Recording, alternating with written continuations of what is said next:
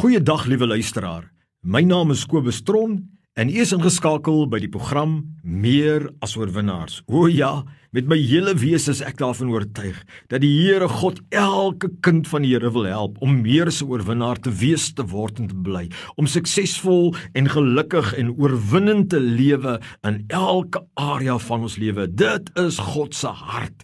Dit is soos 'n vader wat lief is vir sy kinders. En vandag wil ek weer eens met jou 'n boodskap deel wat ek glo die Here op my hart gelê het wat vir jou kan help om meer 'n oorwinnaar te wees en te word en bly. My woorde, my boodskap aan jou is vir dag luister aandagtig. Luister sê die Here na die gefluister van die stem van die Here in jou hart. Moenie die stem van die Here in jou hart ignoreer nie. My vriend, moenie. Dit kan vir jou as jy dit ignoreer, kan dit vir jou lei na verwoestende besluite en verwoestende en slegte resultate. Dit kan jou red van soveel lelik, dit kan soveel mooi dinge aktiveer in jou lewe as jy net wil ag gee aan die stem van die Here in jou hart en nie toelaat dat redenasie of emosie of omstandighede dit oorheers nie. In Johannes 10 vers 27 sê die woord van die Here hierdie en het die Here Jesus ons persoonlik geleer. Hy sê: "My skape luister na my stem en ek ken hulle en hulle volg my." So duidelik leer die Here Jesus dat ware Christendom is wanneer ons sy kinders luister na sy stem. Ons luister na sy stem en ons ken, hy ken ons en hulle volg my. Met ander woorde, ons het 'n persoonlike verhouding met die Here en ons volg hom. Reg, ons volg die stem van die Here in ons harte. Weer wil ek vandag die klem lê daarop dat die Here sê, luister, moed dit nie ignoreer nie, maar jy kan daar sit Kobus en jy kan sê, Herinner my Kobus, hoe praat die stem van die Here in jou hart? Hoe het jy geleer die Here praat? Ek wil vir jou herinner vandag. Ek het al voorheen baie kere hieroor geleer, maar ek wil ek voel in my hart ek wil jou werklik herinner. Die Here se stem, hy praat in ons harte deur 'n innerlike wete, 'n innerlike oortuiging en versekering dat 'n sekere ding reg is of 'n sekere ding verkeerd is. Dat ons dit moet doen of nie moet doen nie. Selfs dat iets gaan gebeur in die toekoms, jy het net skielik 'n wete of daar is doubt. Daar is 'n twyfel in jou hart dat jy 'n sekere ding moet doen. Dit is die stem van die Here in ons harte. Mense Dink gou terug, hoeveel keer in die verlede het jy geweet dat jy weet dat jy weet jy moenie daai ding koop nie?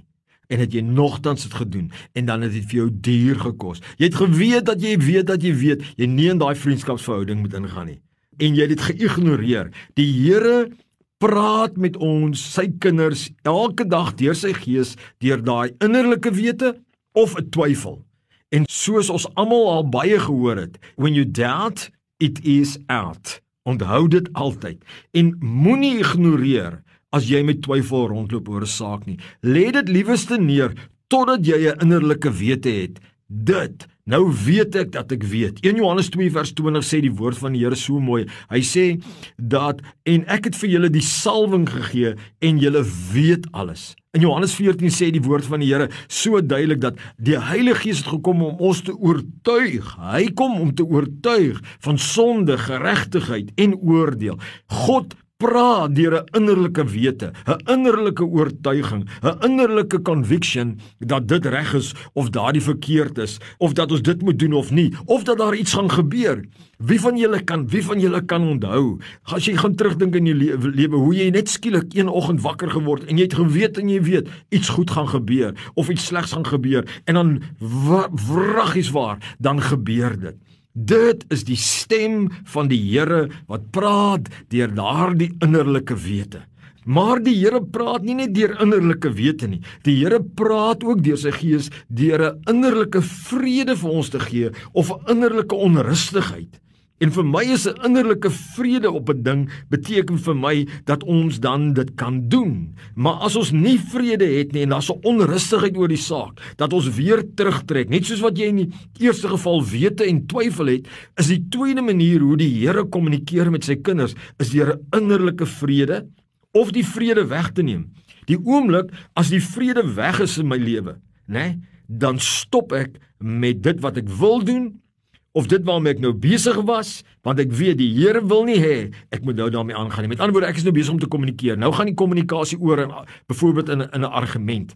En die oomblik as ek in 'n argument gaan, dan raak ek onrustig en ek verloor my vrede. Dan weet ek dis nie die Here se wil dat ek daartoe moet gaan nie. Kolossense 3 vers 15 bevestig dit. Hy sê laat die vrede van God in julle harte heers. 'n vrede wat verstand te bowe gaan wat in jou kom wanneer jy weet jy moet 'n ding doen. Met ander woorde, ek sit en ek wil teken vir daardie kontrak vir daardie kantore, daai huurkontrak.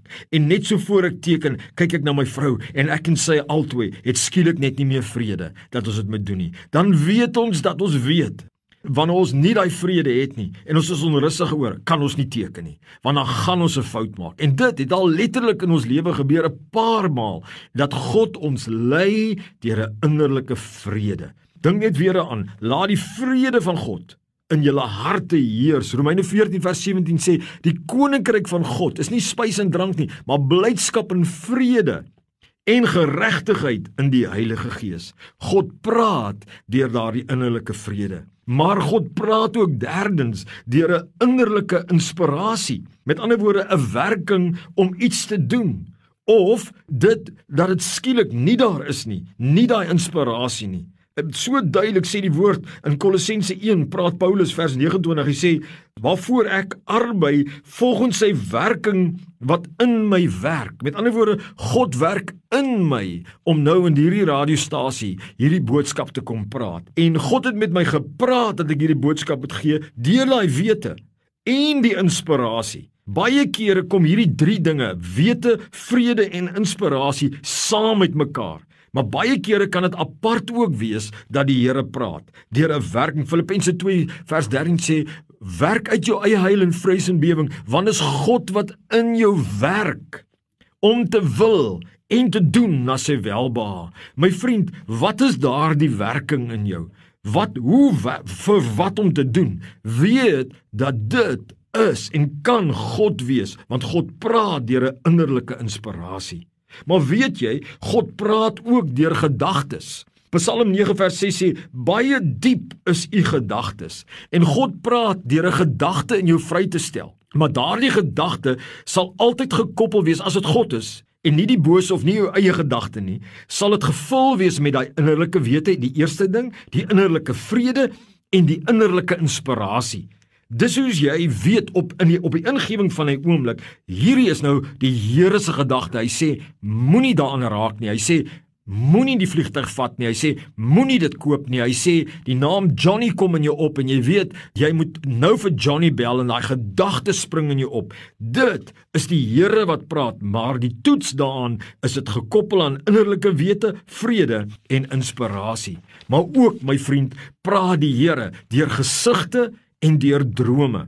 Die Here bring prentjies na 'n mens toe of drome in die nag waar jy slaap en die Here praat deur daai drome en daai gesigte. Hy sê in Joël, julle jongelinge sal gesigte sien, julle ou mense sal drome droom. En God praat daardeur, maar wanneer dit God se droom is, wanneer dit God se gesig is, dan gaan dit daai koppeling hê van vrede, die innerlike vrede, die innerlike wete en die innerlike inspirasie. En dan is daar 'n kriteria, finale kriteria om vir jou seker te maak dat as jy voel God praat met jou deur daai stemme, dat jy sal weet dit is dit is verseker en dit is geregtigheid en liefde. Die woord van die Here sê, want die koninkryk van God is geregtigheid, vrede en blydskap in die Heilige Gees. Nooit sal God jou lei om iets ongereg te doen nie. Met ander woorde om kwaad iets te doen, onregverdig te doen, oneerlik te wees, te steel, verwoesend te slag nie. Geregtigheid en liefde is die fundamentele beginsels van die woord wat God nooit sal violate nie. En die Here wil vandag vir jou bemoedig, my vriend, met alle ander Bybelse beginsels ook as 'n basis. Maar God wil jou bemoedig, luister na die gefluister van die stem van die Here. Moenie die stem ignoreer nie. Dit sal vir jou so baie lei om 'n beter ouer te wees in jou beroepslewe, in jou huwelik, in finansies, in jou liggaamlike bestuur. Luister na die gefluister van die stem van die Here. Mag die Here jou ryklik seën. Amen.